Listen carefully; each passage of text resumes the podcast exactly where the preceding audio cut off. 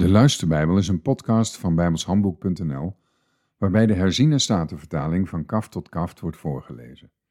Dit is nummer 11. En het gebeurde toen het volk zich beklaagde dat het kwaad was in de oren van de Heere, want de Heere hoorde het, zodat zijn toorn ontbrandde. En het vuur van de Heere brandde onder hen en verteerde aan de rand van het kamp. Toen riep het volk tot Mozes en Mozes bad tot de Heere en het vuur doofde. Daarom gaf hij die plaats de naam Tabera, omdat daar het vuur van de Heere tegen hen gebrand had. Het samenraapsel van vreemdelingen die in hun midden verkeerden, werd met gulzigheid bevangen. Daarom jammerden ook de Israëlieten opnieuw en zeiden: Wie zal ons vlees te eten geven? Wij denken terug aan de vis die wij in Egypte voor niets aten, aan de komkommers, de watermeloenen, de prei, de uien en de knoflook. Maar nu droogt onze ziel uit.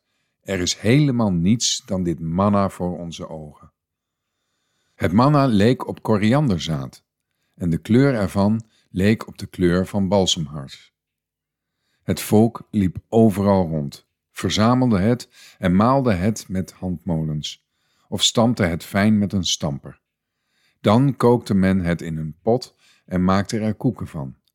De smaak ervan leek op de smaak van baksel in olie. Telkens wanneer de dauw s'nachts op het kamp neerdaalde, daalde ook het manna daarop neer. Toen hoorde Mozes het volk jammeren, geslacht na geslacht, ieder voor de ingang van zijn tent. En de toorn van de Heere ontbrandde zich hevig ook in de ogen van Mozes was het kwalijk. En Mozes zei tegen de Heere, waarom hebt u uw dienaar kwaad gedaan? En waarom heb ik geen genade gevonden in uw ogen, dat u de last van heel dit volk op mij legt? Ben ik soms zwanger geweest van heel dit volk? Of heb ik het gebaard, zodat u tegen mij zou kunnen zeggen, draag het in uw schoot, zoals een verzorger een zuigeling draagt? Naar het land dat u hun vaderen gezworen hebt. Waar zou ik vlees vandaan moeten halen om al dit volk te geven? Want zij jammeren tegen mij, geef ons vlees, zodat wij kunnen eten. Ik alleen kan al dit volk niet dragen, want het is mij te zwaar. En als u mij zo wil behandelen, dood mij dan toch meteen, als ik genade in uw ogen gevonden heb, en laat mij mijn onheil niet aanzien. De Heere zei tegen Mozes, Verzamel voor mij zeventig mannen uit de oudste van Israël, van wie u weet dat zij de oudste van het volk zijn en de beambten ervan. U moet hen bij de tent van ontmoeting brengen en zij moeten daar bij u gaan staan. Dan zal ik neerdalen en daar met u spreken. En van de geest die op u is, zal ik een deel afzonderen en op hen leggen zij zullen samen met u de last van dit volk dragen, zodat u die niet zelf alleen hoeft te dragen.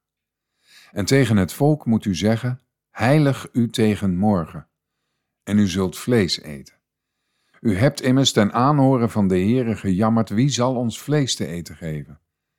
We hadden het zo goed in Egypte. Daarom zal de Heere u vlees geven, en u zult eten. U zult het niet één dag eten, geen twee, geen vijf, geen tien dagen en geen twintig dagen, maar tot een volle maand, tot het uw neus uitkomt en u ervan walgt. Want u hebt de Heere die in uw midden is verworpen en hebt voor zijn aangezicht gejammerd, waarom zijn wij eigenlijk uit Egypte vertrokken? En Mozes zei, dit volk in het midden waarvan ik verkeer bestaat uit zeshonderdduizend man te voet. En u zegt, ik zal hun vlees geven en zij zullen er een volle maand van eten? Kunnen dan voor hen zoveel stuks kleinvee en runderen geslacht worden dat het voor hen genoeg zal zijn? Kunnen soms al de vissen in de zee voor hen verzameld worden, dat het voor hen genoeg zal zijn? Maar de Heere zei tegen Mozes, Is de hand van de Heere te kort? Nu zult u zien of mijn woord werkelijkheid voor u zal worden of niet. Mozes ging naar buiten en sprak de woorden van de Heere tot het volk. En hij verzamelde zeventig mannen uit de oudste van het volk en stelde hen op rondom de tent. Toen daalde de Heere neer in de wolk en sprak tot hem. En hij zonderde één deel af van de geest die op hem was en droeg dat over op de zeventig mannen, die oudste. En het gebeurde toen de geest op hen rustte, dat zij profeteerden, maar daarna niet meer.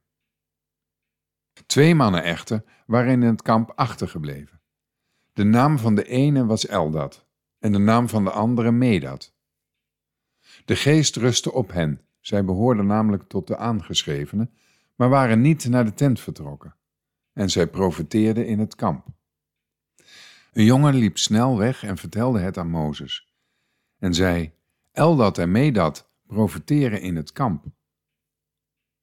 Jozua, de zoon van Nun, de dienaar van Mozes, een van de uitgekozen jongeren, antwoordde en zei: Mijn heer Mozes, belet het hun.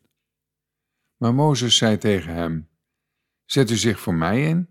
Och, waren alle van het volk van de Heere maar profeten, dat de Heere zijn geest over hen gaf. Daarna trok Mozes zich in het kamp terug, hij en de oudste van Israël. Toen stak er van de kant van de Heere een wind op en voerde kwakkels aan vanaf de zee en verspreidde ze boven het kamp. Ongeveer een dagreis naar de ene kant en een dagreis naar de andere kant, rondom het kamp, ongeveer twee el hoog boven het aardoppervlak. En het volk stond op, de hele dag en de hele nacht, en heel de volgende dag, en men verzamelde de kwakkels. Wie het minst had, had tien homer verzameld, en men spreidde ze wijd voor zich uit rondom het kamp. Het vlees zat nog tussen hun tanden voordat het gekoud was, toen de toorn van de Heere tegen het volk ontbrandde, en de Heere bracht het volk een zeer grote slag toe. Daarom gaf men die plaats de naam Kibrot Ava, want daar hadden zij het volk dat zo gulstig geweest was, begraven. Van Kibrot Taavra trok het volk verder naar Hazeroth, en zij bleven in Hazeroth. Tot zover.